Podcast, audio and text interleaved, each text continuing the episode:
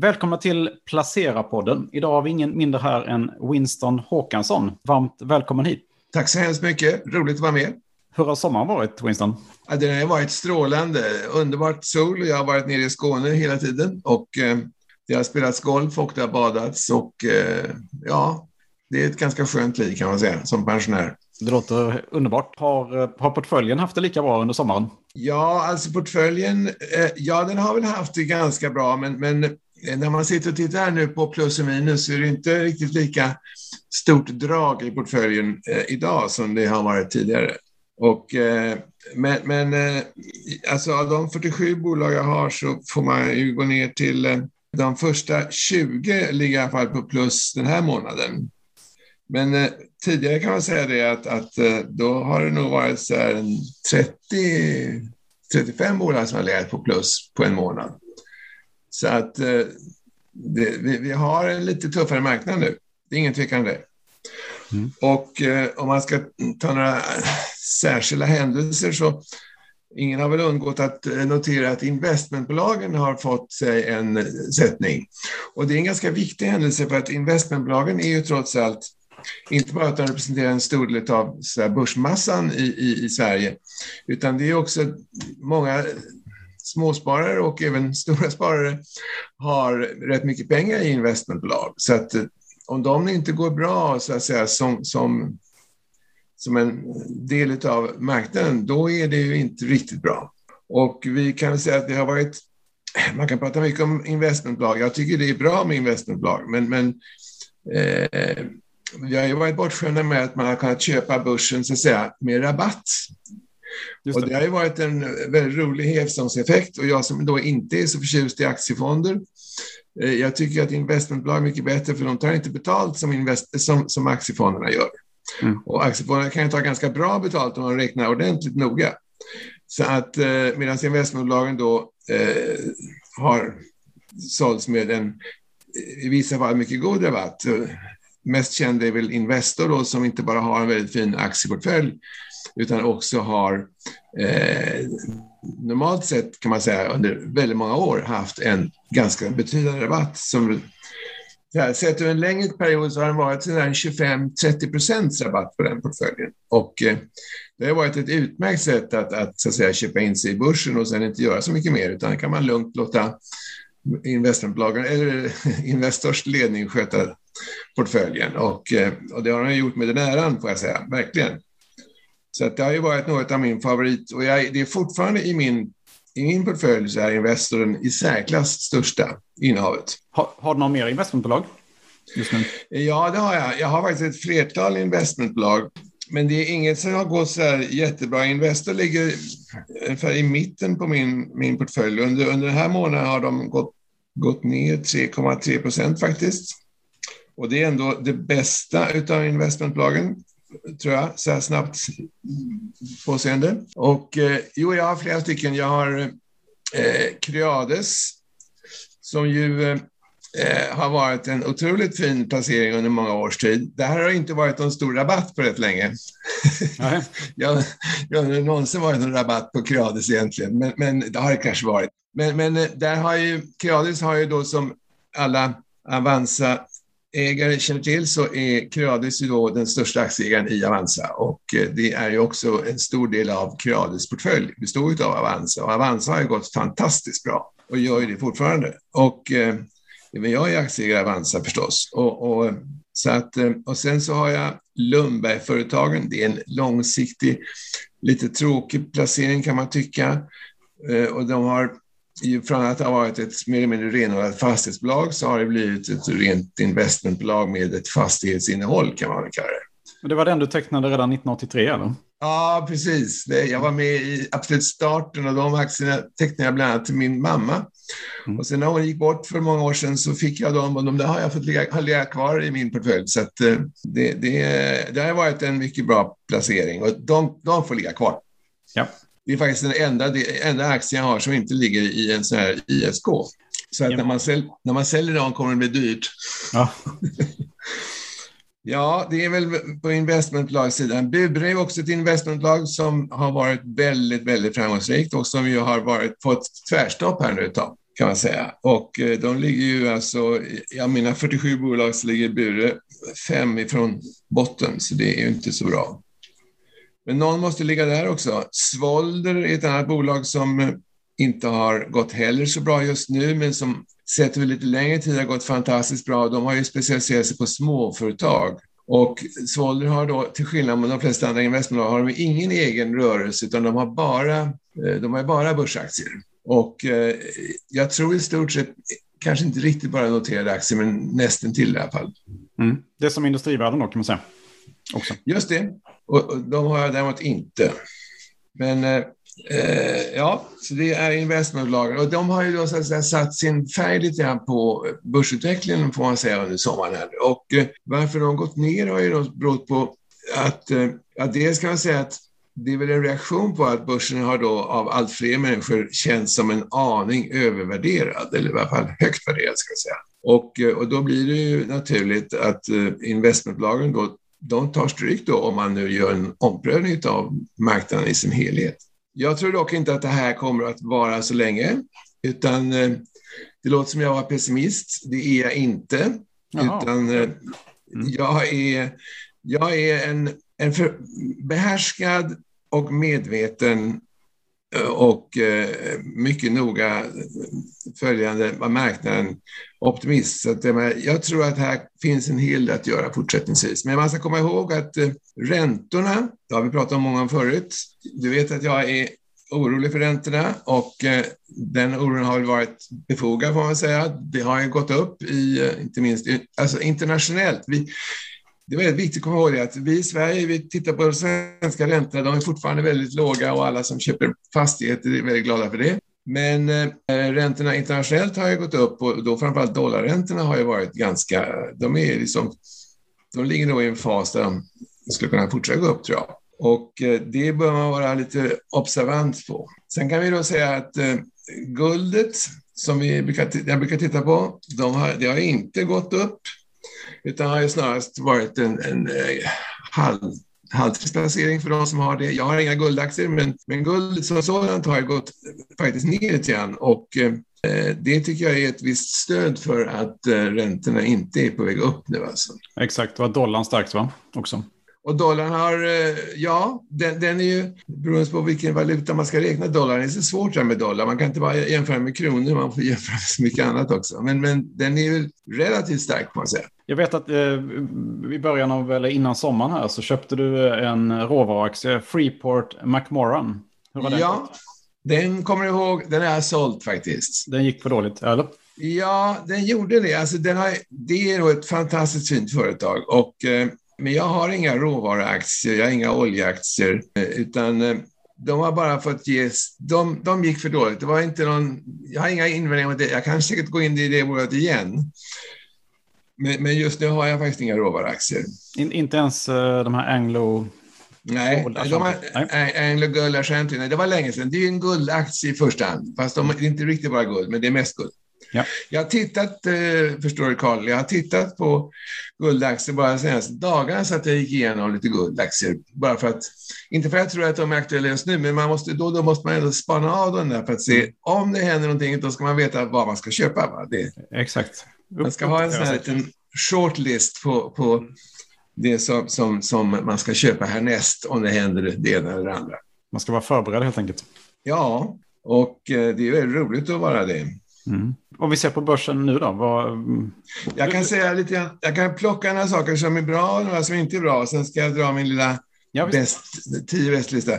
Jag kan säga att ett bolag som jag faktiskt har köpt lite grann, men som fortfarande inte är riktigt bra, men jag vet inte, det är TUI. Ja, det här tyska researrangemanget. Ja, tysk, det är tyskt eller engelskt beroende på vem man frågar. Ja, just det. Just det. De finns noterade både i Tyskland och England och säkert eh, på ytterligare ställen. Det är ju då helt enkelt en sammanslagning av en förfärlig massa, en förfärlig massa reseföretag, flygbolag, hotell, allt, you name it. Allting som har med turism, reseturism att göra mm. ligger i det här bolaget. Det är ett mm. gigantiskt företag. Och de hade ju intill i början av året så hade de också en utdelning som var uppe i över 10 procent. Det berodde närmast på att aktien hade gått så dåligt. Ja. Men nu har de kapat den. Men den lär nog komma tillbaka så småningom. Inte kanske så högt, men, men Men jag har inte köpt, eh, jag har dem, men jag har en väldigt liten post och eh, eh, men jag följer dem där och kommer att gå upp mera i dem om, om ett tag, tror jag. Den har gått ganska dåligt under sommaren här. Ja, ja, visst, absolut. Nej, men det, det, är ingenting som jag rekommenderar nu, utan det är bara en... Mm. Ibland får man ha med ett bolag för att man ska kunna komma ihåg dem. Det, mm. det är lite tuggigt. Och eh, ja, en annan aktie jag har som jag inte vet varför jag har, det är Kreaspakeli, Kreaspakeli man ska uttala det, alltså det här SPAC-bolaget som, som eh, Creades har köpt. Just det. Mm. Och det kanske ska kommenteras lite grann. Det är ju en modefluga detta med, med, med sådana här SPAC-bolag. Alla vet vad SPAC-bolag är. Alla vet vad SPAC är. Mm. Ja. Och de har ju ett bolag som heter Creaspac och det innehåller alltså ingenting mer än en kassa. Och sen så ska de ju då köpa ett onoterat bolag och eh, sätta, så att alla som har aktier i det här SPAC-bolaget blir då aktieägare i något bolag som vi idag inte vet vad det blir för någonting. Och en, en sansad aktieplacerare skakar på huvudet åt det där och säger jag, jag köper det bolaget när jag har fått se vad det är. Mm. Men så går det inte till i, i den här världen just nu och det kanske är ett tecken på att vi lever i en aning överspekulerad börsvärld. Alltså. Det känns lite så, ja. Mm. Ja, men jag har köpt sådana, jag tyckte det var trevligt att ha med. Jag har köpt en liten post, det är bara för att liksom, det är en sån här vet, visitkortspost för att man ska ha, ha den. Eh, men den handlas fortfarande under uh, introduktionskursen, ser jag? Ja, det gör den. Jag, min, min, den, här, den, ligger, den gick upp 10 öre idag när jag tryckte ut den här listan som, som jag har. Den ligger på, på en månad är den ner 0,81 procent, så det är inte mycket i och för sig. Va? Men, men eh, mm. den ligger lite under introduktionskursen, det gör den. Mm. Absolut. Ja, det var väl bara ett sånt skojigt bolag. Sen så tror jag nästan att vi är mogna för att gå in på tio topplistan här. Ja, men det tycker jag. Vi kör det. Och eh, ska vi börja nerifrån eller uppifrån? Eh, jag tycker du ska börja eh, nerifrån.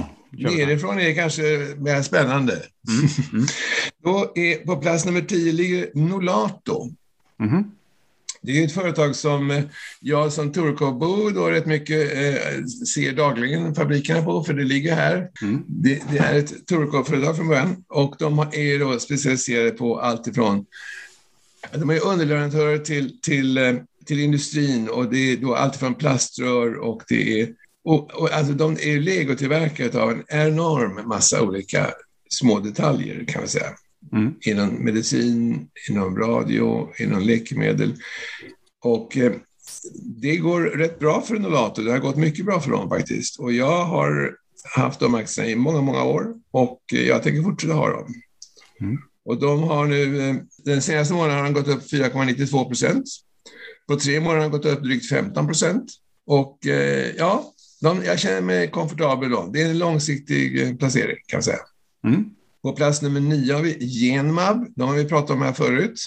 Ett danskt bolag. Danskt bolag som är underleverantör till läkemedelsindustrin kan man säga, helt kort. Vi behöver kanske inte kommentera alla bolag så här noga. De eh, har då eh, gått upp eh, en 6 procent sista månaden, 11 procent på tre månader. Och eh, ovanför dem ligger en av våra verkliga stjärnor, nämligen Vitrolife. Eh, Sveriges bästa aktie på tio år, eh, såg ja, jag när jag tittade tillbaka. Alltså, jag kan säga att mina aktier i Vitrolife, de är inköpta för 4 procent av dagsvärdet. Oj, oj. Mm. Då förstår du. Det är bra ränta på ränta där. Mm. Ja, det, den, är, den är uppe alltså helt ohyggligt. Och, eh, så de rör jag inte. De får ligga där de ligger. Och eh, de har ju varit aktuella nu igen. De har alltså gått upp eh, i, på tre månader har de gått upp 55 procent. Otroligt. Och, och, den här månaden har gått upp 8,68 procent. Ovanför dem ligger JP Morgan. Det är en av mina favoritbanker som dock har fått sin törn. Det har gått lite trögt för dem, ja. Mm. Ja, men även i min värld har de fått sin törn, för de har nämligen varit stenhårda motståndare till bitcoin, vilket jag också är. För ett par veckor sedan så lät de meddela Mr Diamond, som är högste chief executive officer där, att eh, nu skulle de börja titta på bitcoin för att de tyckte ändå liksom att de, var in, de hade varit stenhårda motståndare men de hade omprövat det och skulle nu börja att eh, lite försiktigt titta på bitcoin. Och, jag, och det där gjorde mig lite illa till mods. Jag började genast sälja mina JP Morgan. Okay. Men jag har kvar några för att eh, jag gillar dem ändå. Mm. Men, men de har hamnat lite på the shit list hos mig. Oj, där, där vill man verkligen inte hamna. det vet jag inte. Jag tror inte att de gör så, bryr sig så mycket om det om man ska vara helt ärlig. Men, men eh, JP Morgan, jag har kvar en del, men jag har sålt eh, merparten kan jag säga. Okay. Mm. Jag har bytt ut dem mot en aktie som jag kommer till strax. Men dessförinnan så har vi på plats nummer sex har vi Moderna. Mm. Och de var på plats nummer ett förra gången vi, vi, vi eh, pratades vid. Just det. Och på tre månader, de har gått upp nu, Moderna har faktiskt gått ner, nej förlåt, de har gått upp 8 procent eh, på en månad. Mm. På tre månader har de gått upp 106 procent. Mm, det är bra. Och eh, i år har de gått upp, håll i det nu, 265 procent. Så att just nu har de slakat lite grann och det beror på att eh, den här förskräckliga pandemin har väl då ändå på något sätt eh, gått in i ett lugnare skede nu. Det är inte lika många, det är inte samma hotfulla siffror och man har börjat kunna resa och sådär. Ja. Så att, eh, men de är med fortfarande för de kommer ju eh, uppenbarligen att ha en mycket framskjuten position i tredje, i tredje svängen här, alltså när, när tredje dosen ska Mm. delas ut. Och som du vet säkert så det är många som har, nej, Israel som alltid varit väldigt i framkant, de, de har varit långt inne i, i tredje svängen redan. Mm. Och jag tror att den kommer att komma över till Sverige. JP Morgan har nu bytts ut mot Bank of New York Mellon. Och Okej. det är en mycket fin gammal amerikansk bank med anor från 1700-talet alltså. Mhm. Vilket ju är väldigt länge för att vara amerikansk bank Ja, det är det verkligen. även för en svensk bank. Och, eh, eh, men Bank of New York har varit länge en mycket försiktigt skött bank. Och så gick de ihop med en annan bank som också var börsnoterad som heter Mellon Bank och som finansfamiljen Mellon, eller industrifamiljen Mellon hade startat för rätt länge sedan. Och de där två gick ihop nu för inte med, det är inte mer än några år sedan. Och, eh, eh, så att de följer jag nu med eh, stort intresse. Alltså. Aktien har en väldigt fin trend, ser det ut som. Sista tre åren i alla fall. Absolut, och, och P talet är 13, vilket jag tycker är, är mycket acceptabelt. Det är faktiskt lite lägre P än vad det är på Morgan. Och avkastningen är 2,29 procent och det tycker jag är bra. Så Mm. att eh, jag gillar dem. De har gått upp 9 procent i sista månaden. Mm. På tredje plats har vi Blackrock. Det har vi pratat om förut. Det Ja. är världens största fondförvaltare kan man säga, enkelt Ja. uttryckt. Och eh, de har gått upp 10 procent senaste månaden. Näst bäst, eller förlåt mig, det var fjärde plats. Tredje plats är Novo Nordisk. Okej, det är danska jätten. Precis. Diabetes. Och, och, och där är, diabetes är de ju störst i världen på. De har ju liksom eh, halva världens tillverkning på sig diabetes, medicin mot diabetes. Och, eh, men, men som vi har pratat om förut så håller de på att ta fram eh, ett, ett medel mot eh, övervikt.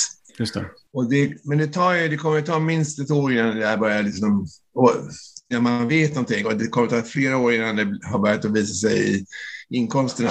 Mm. Men, men jag är ganska säker på att de kommer att eh, gå vidare. Dessvärre är det någonting som verkligen behövs. Om man, Ja, eller hur? ser, ser Ja. Mm. Titta på amerikanerna alltså. Och sen har vi då näst bäst i min profil, Avanza. De har gått upp 19,3 procent på eh, sista månaden. De är verkligen i form nu. De hade en svacka där ett tag, men, men eh, nu har de kommit igen. Och etta då i denna månad är ett företag som faktiskt är rätt intressant. Det heter Genovis. Eh, Genovis är svenskt, de ligger i Lund. Ja. Och eh, eh, de är, håller på med en- enzymer, enzymer till läkemedel. De, framförallt är de inne i något som heter NIMT-teknologi och för life science-industrin. Mm. Mm. Och eh, de är duktiga på att, eh, de har just nu lanserat en antikroppsmärkning. Alltså det, det här är ett bolag som jag tror man ska ha mycket stor koll på. Mm. Och det finns faktiskt en herre som heter Mikael Lönn som är med, han är största aktieägare, där. han har 15 procent ungefär. Han är med i ett flertal andra bolag i, i eh, den här industrin, i life science-industrin. Och eh, eh, han har rätt bra näsa för det där. Så att, eh, Genevis, det är ett, eh, en aktie jag kommer att behålla. Aktien upp 89 procent i år ser jag och 968 procent på eh, tre år. Exakt. Och, och senaste månaden då, som jag nyttjar på här, så är det upp 25 procent. Det får man säga, det är ganska bra. Det är väldigt bra. Ja. Och ändå bara ett marknadsvärde på bara då 3,8 miljarder. Ja, men det är precis, det är inte avskräckande högt nu. Nej, nej verkligen. Mm. Det är detta. Men, men, men, du har ägt Genovis ganska länge också? Ja, det har jag haft. Absolut. Mm. Och eh, ibland så, vad jag gör ju är att med mina då just nu 47 bolag, så jag ligger ju och köper och säljer lite grann. Så att, eh, det är inte säkert att jag plockar bort dem helt och hållet, men när jag känner att nej, det här har inte gått så bra, då minskar jag. Och sen så när jag ser någonting som jag har haft och som börjar gå bättre, så köper jag på mig mer. Mm. Så att jag, är som, jag är som en pianospelare va? som hela tiden håller på och eh, mm. går in och ur. Och, och, och, det har varit då en, en eh, ja, det har varit min strategi väldigt länge. Eh, nu ska jag se, jag hade några andra små noteringar. Eh, jag har faktiskt också tagit upp en annan liten portfölj. Det är så att jag sköter min yngsta dotters portfölj och även min, min sambo. Och, det är lite mer defensiva om jag inte minns. Just det. Mm. Så att, eh, men där finns, och den, den, går ju inte alls lika bra förstås. Det gör det inte, som vi har pratat om förut. Ju mer risk ska ge mer avkastning också. Men, men den här, eh, eh, det, det kanske kunde ändå vara intressant att höra den här portföljen om, på, på, ska jag ta upp den här, jag har en del riskabla aktier som jag inte har tagit med. Men den här, om vi säger bröstarvingeportföljen, vad man ska kalla det för, alltså mm. en, en säker portfölj som jag har här, den tar jag bara nu i bokstavsordning, så är det Altia, de har vi pratat om förut. Finsk sprit. Finsk och norsk sprit. De har, numera håller de på och uh, fusionerar med ett norskt bolag. Okay. Och, och uh, det är en aktie som jag har lite grann funderat på att gå ur, men det är bara, den stiger så jag behåller den så länge. Den ger också en väldigt bra avkastning. Det gör ju ofta finska bolag. Mm. Sen så har den här portföljen Axikem som väl inte har varit någon rolig aktie. Och eh, det var Axikem. Ja, sen har vi Blackrock i den här portföljen, och det har vi pratat om förut. Och Bure Equity. Sen har de också Investor, och det är av säkerhetsskäl så att säga. Men det har ju varit en fantastisk placering för den som varit med ett tag. Nokia, som mm. också är ett av mina favoritbolag, som inte har varit de har det ibland lite kämpigt, men, men alltså det går bättre för Nokia än för Ericsson kan jag säga. Och Peptonic Medical som är ett eh, bolag inom kvinnohälsa. Just det. Mm. Och de ligger nu nere i en krona fyra öre. Jag tror att det är köpvärt. Och eh, den är aktier man ska ha liksom på lite sikt och man ska inte fundera på hur den går den närmaste månaden, utan den ska gå så jag köpte dem ner 30 procent, så att de, de, de, de har det viss risk i dem, men, men jag tror inte att jag tror att det, vi har nog passerat den här nedgången. Och sen så finns då, har vi då Sjöstrand Coffee i det här, de här damernas portfölj och eh, eh, det är ju en aktie som har gått fullständigt lysande. Idag är den upp 6 procent och eh, den har gått upp 384 procent sen, sen vi köpte dem till de här damerna. Det är en bra investering. måste de vara nöjda ja, med. ja, men det är de. Det, eh, den här, och det är ju liksom, eh, vi har pratat om förut, det är ett bolag på Ingarö som började som ett litet, litet, det är fortfarande ett familjeföretag, men de var ju bara man och hustru i, i 30-årsåldern tror jag som, som började med att eh, köra igång det här. De, de tillverkar kaffeutrustning i Kina och sen så hade de en sån här, den här ampullen som man har till Nescafé, den, den är helt komposterbar. Alltså. Den har mm. inga såna här metaller i sig som till exempel Nestlés ampuller har. Ja, sen har vi UPM. Mm. Finsk skog. Finsk skog, bra avkastning, lite högt värderat, men, men det är ett välskött företag. Det är ena skogsbolaget som jag har i någon portfölj. Och, eh, och sen slutligen Jara International som är ett företag som jag tror är på kommande. Jag har tänkte jag skulle avsluta med att säga att jag har börjat att intressera mig för eh, företag som sysslar med eh, råvaror i en mer raffinerad form, kan man kalla det för. Mm -hmm. Och, och Jara är ett sådant bolag. Mm, det är de, norsk, norsk konstgödsel, va? Är Norsk konstgödsel. Deras historia är att de, de eh, grundades eh, som Norsk Hydro. Så de var med i Norsk Hydros eh, portfölj redan från start, 1905. Och det roliga med Norsk Hydro är att de har haft, det finns ju fyra bolag som alla har sitt ursprung i Norsk Hydro som finns på börsen, varav ett heter Norsk Hydro, ett heter Equinor, det är oljebolaget. Och och så vidare. Så att eh, Jara har inte gått lysande bra, men de har inte gått dåligt heller. De har en bra avkastning dock, 4 procent, vilket jag tycker det och, och P talet är väldigt eh, aptitligt också. Mm. Så det är en aktie som jag tror på sikt kommer att bli alldeles utmärkt. Jag vet att du gjorde ett litet inhopp i um, vätgas i början på sommaren i Nikola. Hur, eh, Just det. Mm. Ja, jag har kvar Nikola. De är den tredje sämsta placeringen. Så de har inte gått så bra just nu. Men, men, men de, de, de, de får vara kvar. Mm. De får vara kvar. Vil vilken är den sämsta placeringen då? Det är Beyond Vax. Okay. Ett mm. israeliskt eh, vaccinationsbolag som finns noterat i New York. Okej. Okay. Mm.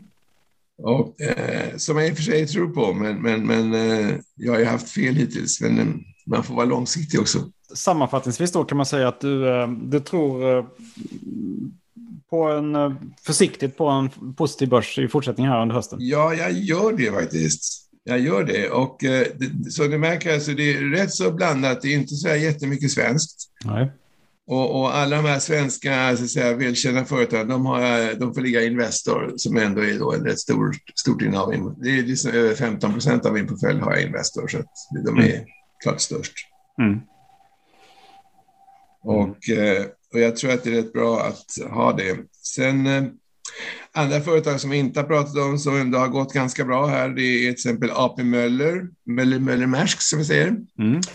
Fakt. Det, det är ju Danmarks och eh, Nordens största rederi som specialiserar på containertrafik. Jag tror att de är världsstörst på containers faktiskt. Och eh, de, eh, den aktien är i stigande helt klart. Mm. Och eh, utdelningen är inte så särskilt bra, men, men, men de är definitivt på väg upp. De ligger då i drygt 17 000 danska kronor och eh, jag tänker mig att den här kan gå en par, tre tusen kronor till. Mm. Alltså i kurs. Så att eh, eh de, de där kommer jag behålla. Mm. En annan aktie som har gått ganska bra är Diamyd Medical. Just det. Mm. Diabetesmedicin.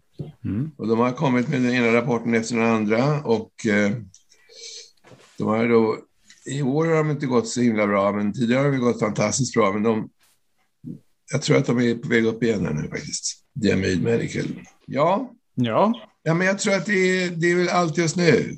Ja, men det är spännande att se, se hur det går i fortsättningen här för de här bolagen. Ja, verkligen. Kom, kommer ju garanterat att hända mycket, som det alltid gör. Ja, en, en aktie som vi, jag glömde berätta om här, apropå det här med, med Jara och sån här, den här typen av aktier, det är ett bolag som heter Bunge. Mm -hmm. Och de är då, eh, det är ett amerikanskt företag och de har funnits i 200 år. Det är rätt mycket för ett amerikanskt företag. Och Bunge ligger i 77 dollar ungefär.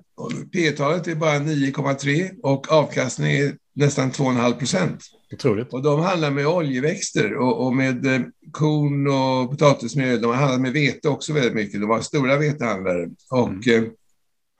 eh, eh de etablerade sig i Sydamerika redan på 1800-talet och eh, mm.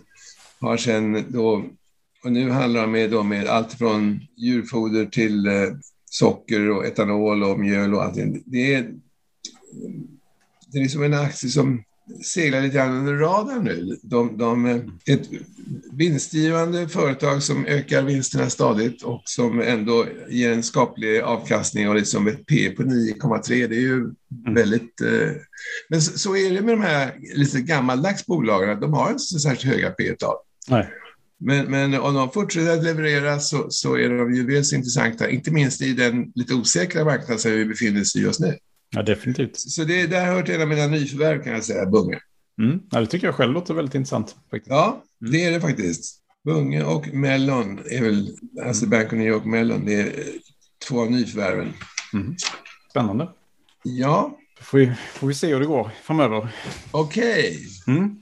Ja, men tusen tack för att du ville ställa upp och eh, berätta ja, om dina, det, dina tankar det, i hösten. Det, det, är bara roligt. Alltså, eh, det skulle bli spännande i höst här nu. Och med... Yes, ha, ha det gott så hörs vi.